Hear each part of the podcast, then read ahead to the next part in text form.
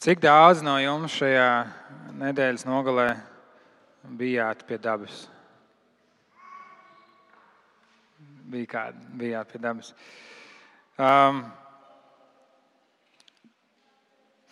jautājums nu, jums vienkārši padomāt, vai izdevās arī nu, pavērot dabu, paskatīties un apbrīnot, cik skaisti Dievs visu radījis, vai, varbūt tikai uguns un sašliks un, un, un prieki. Reizēm, kad mēs nonākam kādā, kādā vietā, kādā, kādā skaistā vietā, um, elpa aizraujas. Man liekas, nu, nu kā? Nu kā var, var būt tāds skaistums? Viena no vietām, kur man ir bijusi tā iespēja dzīvē būt, ir Lielais kanjons Amerikā. Un, un ar kanjonu tā kalns tu parasti redzi pa gabalu. Nu, viņi tur ir, tu, tu brauc jau tuvāk, un labi, bet ar kanjonu ir tā, ka tā ir viena liela bedra īstenībā. Un tu brauc, un tu neko neredzi. Un tur ir tā kā liekas, gluži, nu, bišķiņa kalna bija nu, tāds reliefs, bet tu brauc, un tāds liekas, nu, tāds gludums. Tā. Un tad tu piebrauc tajā stāvvietā un aiziet pie tās malas, un tas žoklis atkarās vienkārši. Wow! Un tu domā par to, un, un, un es nezinu, kā ir cilvēki, kurš nepazīst Dievu, kurš to ieraudzīja. Kas, ir viņa, kas ir viņa domās? Un es domāju, saku, nu, nu, tur Dievs vienkārši izrādās. Dievs vienkārši parāda uz to, uz ko viņš ir spējīgs, cik skaisti viņš visu var radīt. Daba viņa atspoguļo un parāda to, ko radītājs radīs. Un, un tajā pašā laikā mums jāatzīst, ka pasaulē arvien, iespējams arvien biežāk, vai varbūt vienkārši tāpēc mūsdienu tehnoloģijas un informācija ceļo ātrāk, mēs biežāk par to dzirdam, ir arī dažādas dabas katastrofas. Kaut kas, kur mēs skatāmies, un, un, un mēs domājam, tur pat varbūt nav. Nu, tagad bija plūdi Ukrajinā, ja, bet nu, tas bija cilvēka aizsākts, izraisīts. Bet, bet reizēm ir kādi, kādi ugunsgrēki, kādas uh, vētras, tornado, varbūt kādās valstīs arī tsunami un dažādas citas lietas. Un, Un mēs, mēs šķietam, bez iemesla notiek milzīgas nelaimes, kur, kur daba parāda to savu spēku, kur daba parāda to, cik reizēm cilvēks var būt arī mazs un nespēcīgs tā priekšā. Un šodien mēs domāsim par to, kādas ir tās attiecības dievam ar dabu un, un mums ar dievu, un līdz ar to ar mums ar dabu. Un pirmā lieta, ko, ko Dieva vārds mums saka, ko mēs šajā rītā arī lasījām, ir tā, ka, ka daba ir laba. Jā, bija kādreiz liekas, tāds festivāls, laba daba. Ja. Daba ir laba. Jā. Dievs visu rada, un Viņš rada to secīgi, Viņš ievieš kārtību, haosā. Jā, viņš saka, tas ir labi. Tas ir labi. Tā ir laba. Tā ir dāvana mums, cilvēkiem. Tā ir, Tā ir privilēģija, tā ir brīnišķīga Dieva svētība mums būt, to vērot un, un par to rūpēties. Dievs ieliek cilvēku ēdienas dārzā. Viņš saka, augļojieties, vairojieties, pakļaujieties un rūpējieties, pārvaldiet. Dievs, Dievs dod cilvēkam šo zemi, šo pasauli. Viņš saka, rūpējies par to. Un šobrīd šķietam, kā nekad, vismaz rietumu pasaulē, tas ir ļoti aktuāli. Dažādi centieni uzlabot šīs pasaules kvalitāti, vai vismaz apturēt, vai nedaudz piebremzēt to, to cik ļoti mēs šai pasaulē nodaram pāri. Dažādi centieni mazināt atkritumus, atjaunotos energoresursus, dažādu citu piesārņojumu. Un, un, jāsaka, godīgi brīžiem tas robežojas ar tādu fanātismu. Ja, mēs neesam aicināti dabu pielūgt. Tas varbūt ir kaut kur dziļi saknē mums, latviešiem. Ja, tā, tā daba ir, ir kaut kāda. Nu, Kaut kur iekšā ir ielikts, un reizēm mums gribās ar tādu pārlieku lielu bijību um, apieties pret, pret to. Un, un uh, kaut kur varbūt arī mums, kristiešiem, ir tas izaicinājums. Ja. Jāņa naktī mēs arī varam runāt par to, nu, kur tie svētki ir cēlušies un kā tas viss ir un, un ko cilvēki ar to domāju. Bet Dievs aicina rūpēties, viņš aicina pārvaldīt, viņš aicina, un Dievs to ir uzticējis. Un, uh, mēs cilvēki savā alkatībā, savā vēlmē un tādā idejā pēc progresa, pēc uzplaukuma, pēc attīstības, mēs nevaram noliekt kopumā. Mēs.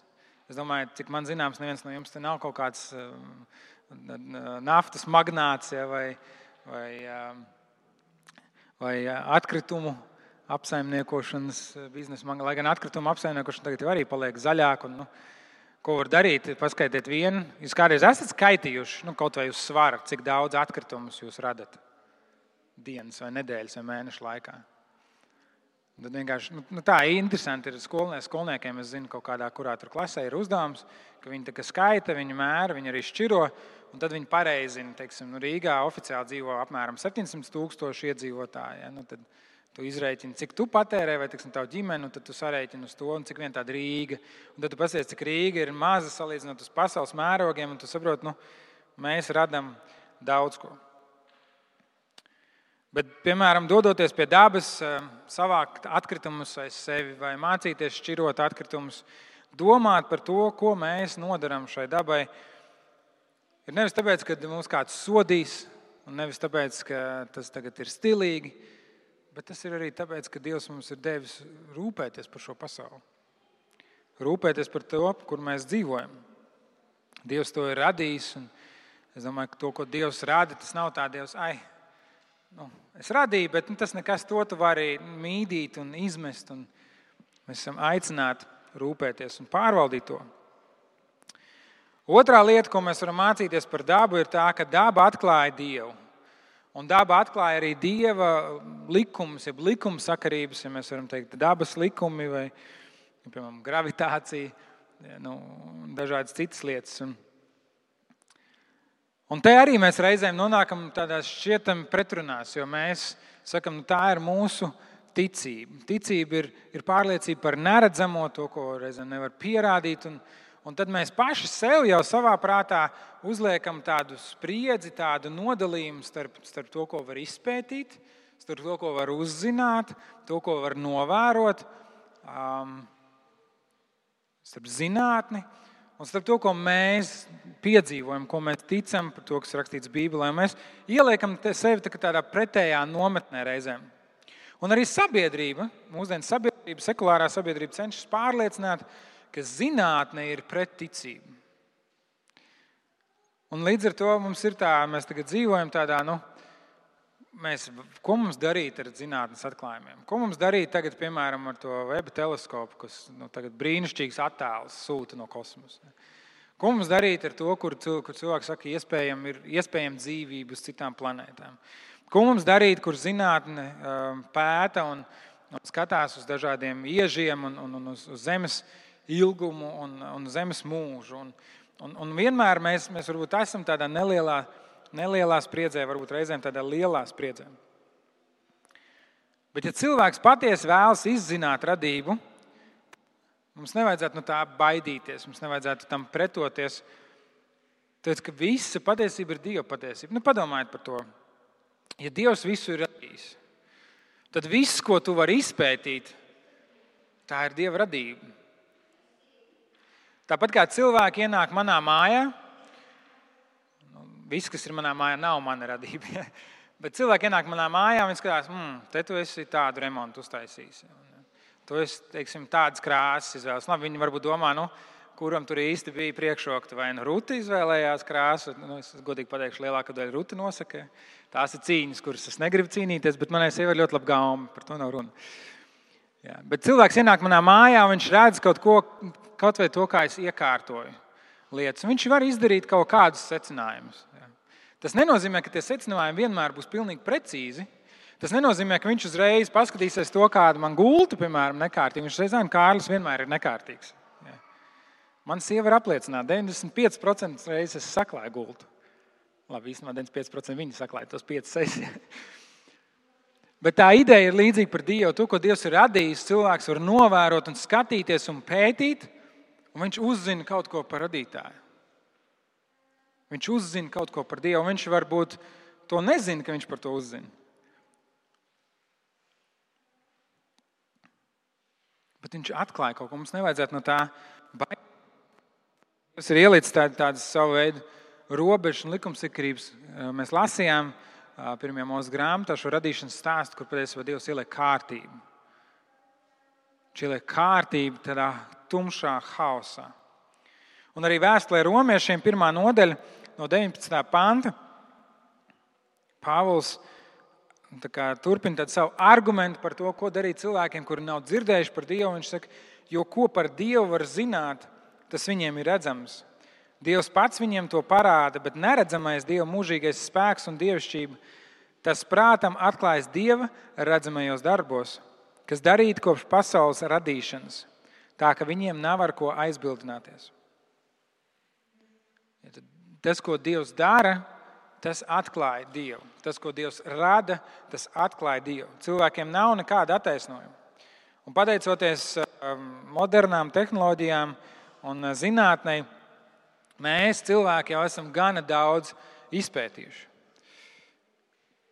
Un cilvēks ir lielīties, ka viņš sasniedz okeāna dzīves, um, lai gan šonadēļ droši vien iespējams esat dzirdējuši par šo zemūdeni, kas devās izpētīt Titanika atliekas un, un, un, un cilvēki gāja bojā.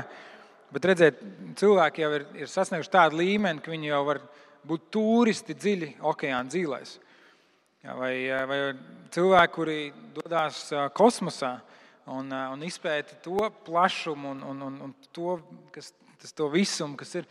Mēs aizpagājušajā nedēļā ar bērniem kopā šeit arī domājām par to, kā Dievs ir radījis šo visu. Mēs domājam par planētām, par zvaigznēm, par to kārtību. Nu, padomājiet par to, cik Dievs ir iekārtojis to, ka gada laikā Zeme apriņķo ap sauli. Un Zeme riņķo nevis taisni, bet viņa slīpi. Līdz ar to tas ietekmē to, ka mums vasarā dienas ir garas un foršas, un ziemā viņas ir īsas un mazāk foršas.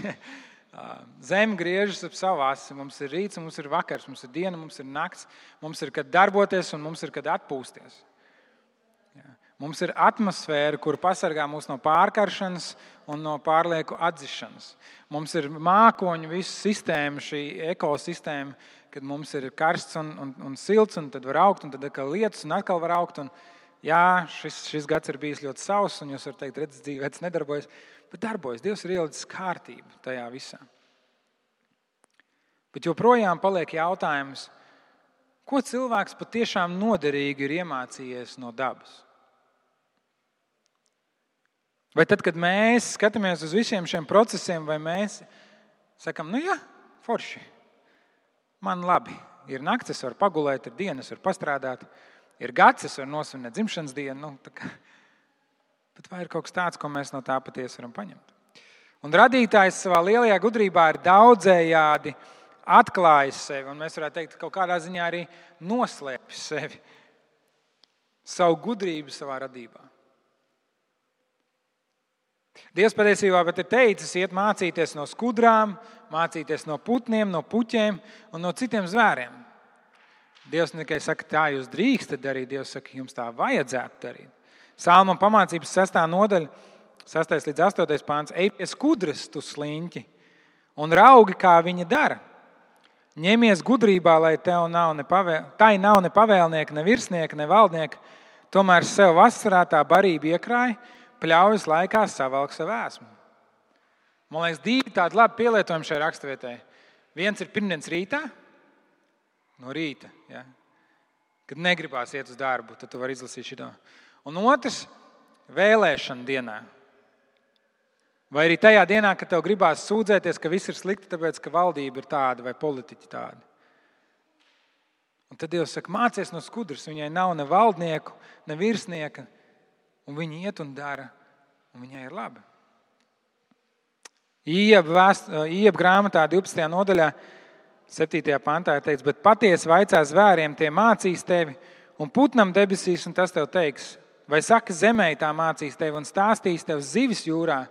No visiem šiem, kurš gan nezinās, ka kunga roka viņu radījusi, jo ik dzīve dvaša rokā viņam un viss gars, kas cilvēku miesās.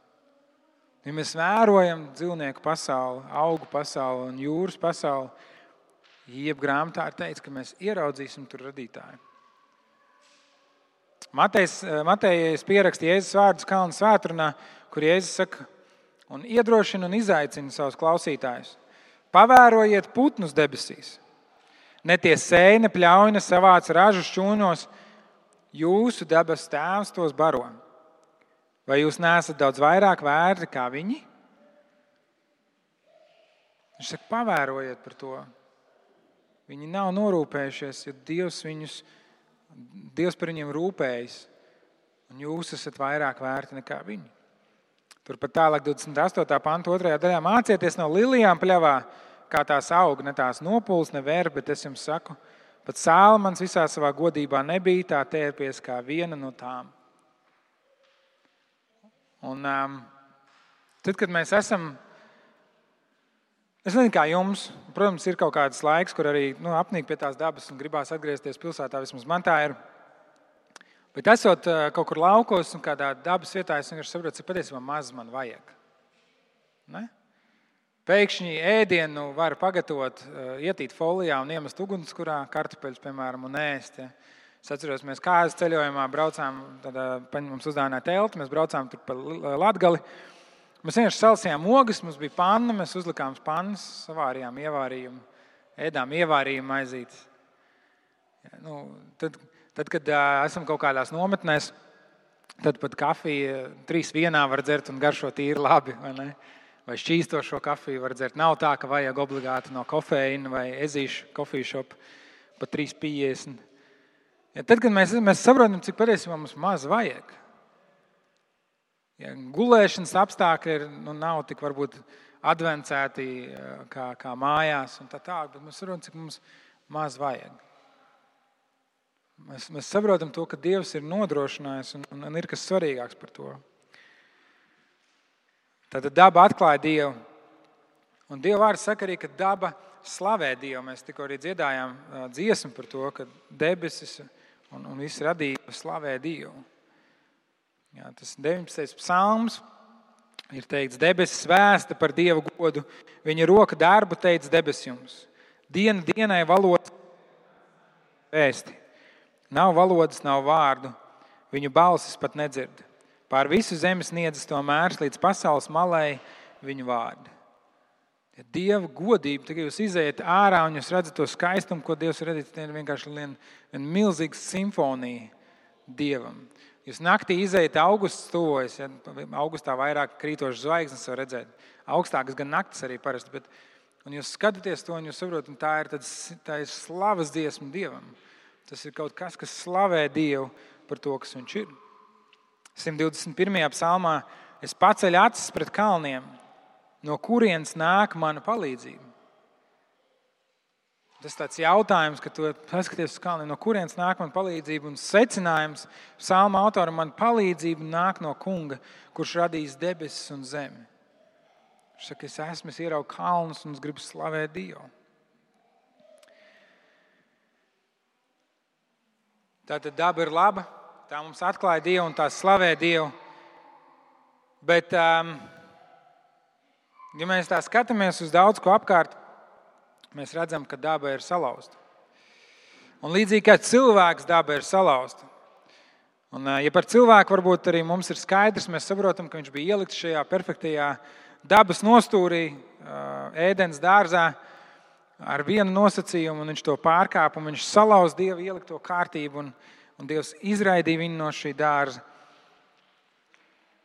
Tad patiesībā, lasot Dieva vārdu, mēs redzam, ka ka grēks ietekmē ne tikai iekšēji, sirsniņā, nu tā mono sirsniņā, bet, bet grēks ietekmē šo pasauli globālos mērogos.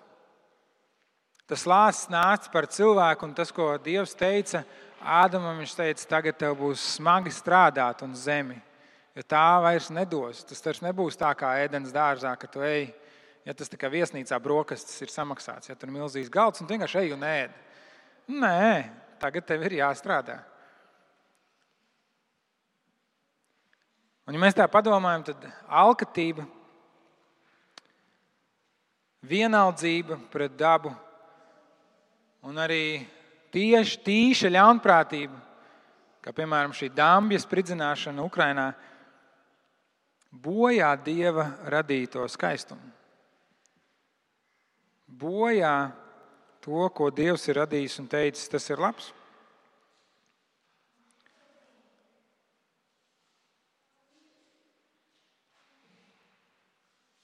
Mēs ar savām izvēlēm, ar, ar, ar to, kā mēs dzīvojam savu dzīvi, arī varam vai nu bojāt, vai nu pārvaldīt un rūpēties.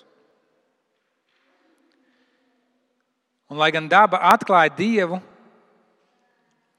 tā ir tāda vispārējā Dieva atklāsme, tā nespēja cilvēku aizvest pie Dieva. Un cilvēkam ir vajadzīgs, cilvēkam ir vajadzīga īpaša atklāsme, viņam ir vajadzīgs glābējs. Jēzus Kristus. Vēstulē romiešiem, 3. nodaļā, no 22. panta ir teikts, Dieva taisnība ticībā uz Jēzu Kristu ir visiem, kas tic. Tur nav nekādas atšķirības, jo visi ir grēkojuši un visiem trūks dievišķās godības. Dieva žēlstībā visi tiek attaisnot bez nopelna, jo viņš tos atpircis Kristu Jēzu. Viņš tos atpircis Kristu Jēzu. Visi esam grēkojuši. Mums visiem trūks dievišķās godības. Mums visiem trūks, citiem vārdiem sakot, mums visiem trūks no tā dieva pilnības. Un skatoties dabā, mēs redzam, ka daudz kur tas, kas notiek, tas ir cilvēka darbības, cilvēka izvēļu sekas. Cilvēks cenšas nodalīt dieva radību no dieva. Cilvēks cenšas paņemt to, ko Dievs ir radījis, un teikt, nu, paldies, Dievs, tu esi pasauli radījis, iegriezis, ir riņķo ap sauli, riņķo ap sevi. Mums vairāk neko arī nevajag. Ja? Mēs tālāk tiksim galā paši. Un līdz zināmam līmenim cilvēkam tas varbūt arī izdodas. Bet agri vai vēlu rodas jautājumi par izcelsmi, par identitāti un par mērķi. No kurienes es nāku, kas es esmu un uz kurienes dodos. Un, uh, mēs nevaram to atraut no domām par to, kur, kur mēs atrodamies. Un Dievs dabā ir ielicis dažādas likumus un principus.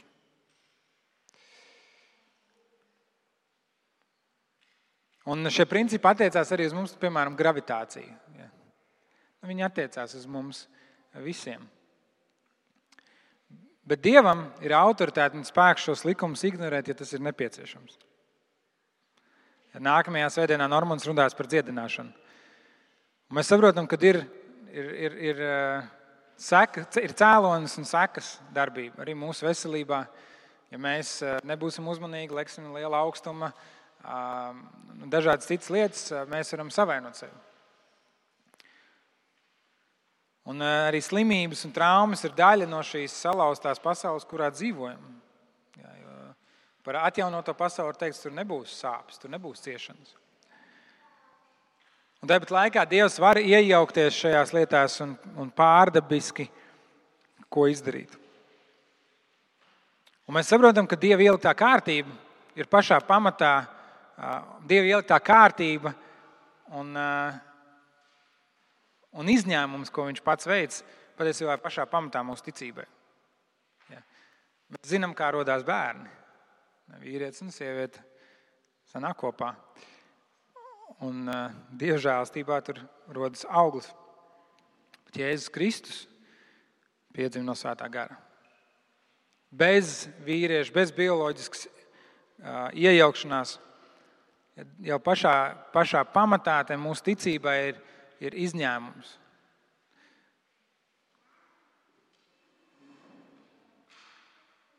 Dievs ir kārtības dievs. Viņš ir secīgs. Viņš zina, kā šīs lietas notiek. Mēs varam teikt, dabiski. Bet Dievs nav burbuļu kalps. Mēs saprotam, ka mēs kalpam Dievam, kurš ir pāri radībai. Un šie radības likumi attiecās uz mums un uz citu radību, tāpēc ka mēs esam radība. Bet tie neatiecas uz radītāju. Un katra cilvēka rīcībā ir sekas, un tomēr, tomēr Dievs ir žēlstības Dievs. Un te mēs nonākam pie tā pēdējā, pēdējās, pēdējās lietas, ko šodien gribu uzsvērt. Ir tā, ka radība līdzīgi kā cilvēks gaida atjaunošanu. Radība, līdzīgi kā cilvēks gaida atjaunošanu vēstulē romiešiem, 8. nodaļā Pāvils raksta, arī visa radība ilgodamies gaida, kad Dieva dēli atklāsies godībā. Jo radība ir pakļauta nīcībai nevis labprātīgi, bet pēc tā. Un tā ir cerība, ka tā no iznīcības verdzības tiks atbrīvota Dieva bērnu godības pilnai brīvībai. Mēs zinām, ka visa radība līdz šim laikam nopūšas un cieš radība mokas, bet ne viņa vien arī mēs, kas esam saņēmuši gara pirmos augļus, pie sevis nopūšamies, gaidīdam uz savām dēla tiesībām, mūsu miesas izpirkšanai. Tad, kad mēs domājam par, par to, kas tad notiek pēc nāves, kas tad notiks ar mums, kad būs laiku beigas, kas tad notiks tad, kad nāks Jēzus. Un bieži vien mēs nu, būtībā jau nu kā, galvenais, lai es te nodzīvoju pietiekami labu dzīvi, un tad es nonāku debesīs. Un šeit Pāvils raksta, ka patiesībā tas ir kas vairāk. Viņš saka, ka visa radība gaida un ilgojās pēc tā brīža, kad Dievs nāks un atjaunos. Dievs nāks un atjaunos. Un viņš atjaunos mūsu dzīvi, viņš atjaunos, viņš dos mums jaunu ķermeni, viņš atjaunos tās, eh, to, kas ir salauzts, viņš atjaunos um, to, kas mums ir sāpējis, vai, nu, respektīvi, mums vairs nebūs ciešana un sāp, bet arī radību viņš atjaunos. Tad, kad cilvēks um, izvēlējās grēkot ēdienas dārzā, viņš ņēma no ļauna un laba atzīšanas koka, ko Dievs bija teicis, tev būs nebūs ēst. Bet blakus tur bija dzīvības koks. Un Dievs saka, tagad, kad cilvēks ir izvēlējies atstāt mani, Es izraidu cilvēku no ēdienas dārza, lai viņš neņem šo, no šī koka un nedzīvo mūžīgi. Un tas liek mums domāt par to, ka cilvēkam bija iespēja ņemt no šī dzīvības koka un dzīvot mūžīgi, ja vien viņš dzīvotu labā pasaulē, paklausībā Dievam. Šis dzīvības koks. Tad, kad mēs lasām atklāsmes grāmatu 22. nodaļā, pašā pēdējā nodaļā Bībelē, mēs lasām, ko Dievs atklāja Jānim. Viņš raksta, ka eņģēlis man parādīja dzīvā ūdens upi. Dzīdru kā kristāls, tā izplūda no dieva un jēra troņa pa ielas vidu. Upes abās pusēs bija dzīvības koks, kas nes 12 augļus katru mēnesi savu augli, un tā lapas ir noderīgas tautām dziedināšanai.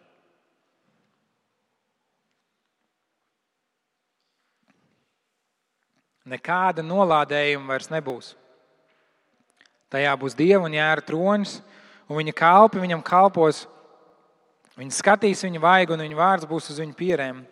Un nakts vairs nebūs, un nebūs vajadzības nec pēc gaismekļa, nec saules gaismas, jo Kungs Dievs apspīdēs viņus, un viņi valdīs mūžu mūžos. Saka, nekāda nolādējuma vairs nebūs. Šī atšķirība no Dieva Šīs sekas cilvēka izvēlē nepaklausīt Dievam. Šī iespēja, pat iespēja grēkot vairs nebūs. Dzīvība plūdīs kā ūdens upe. Un nevairs, divi, nevairs viens koks, bet divi dzīvības koki, kas, kas noderīgs tautām dziedināšanai.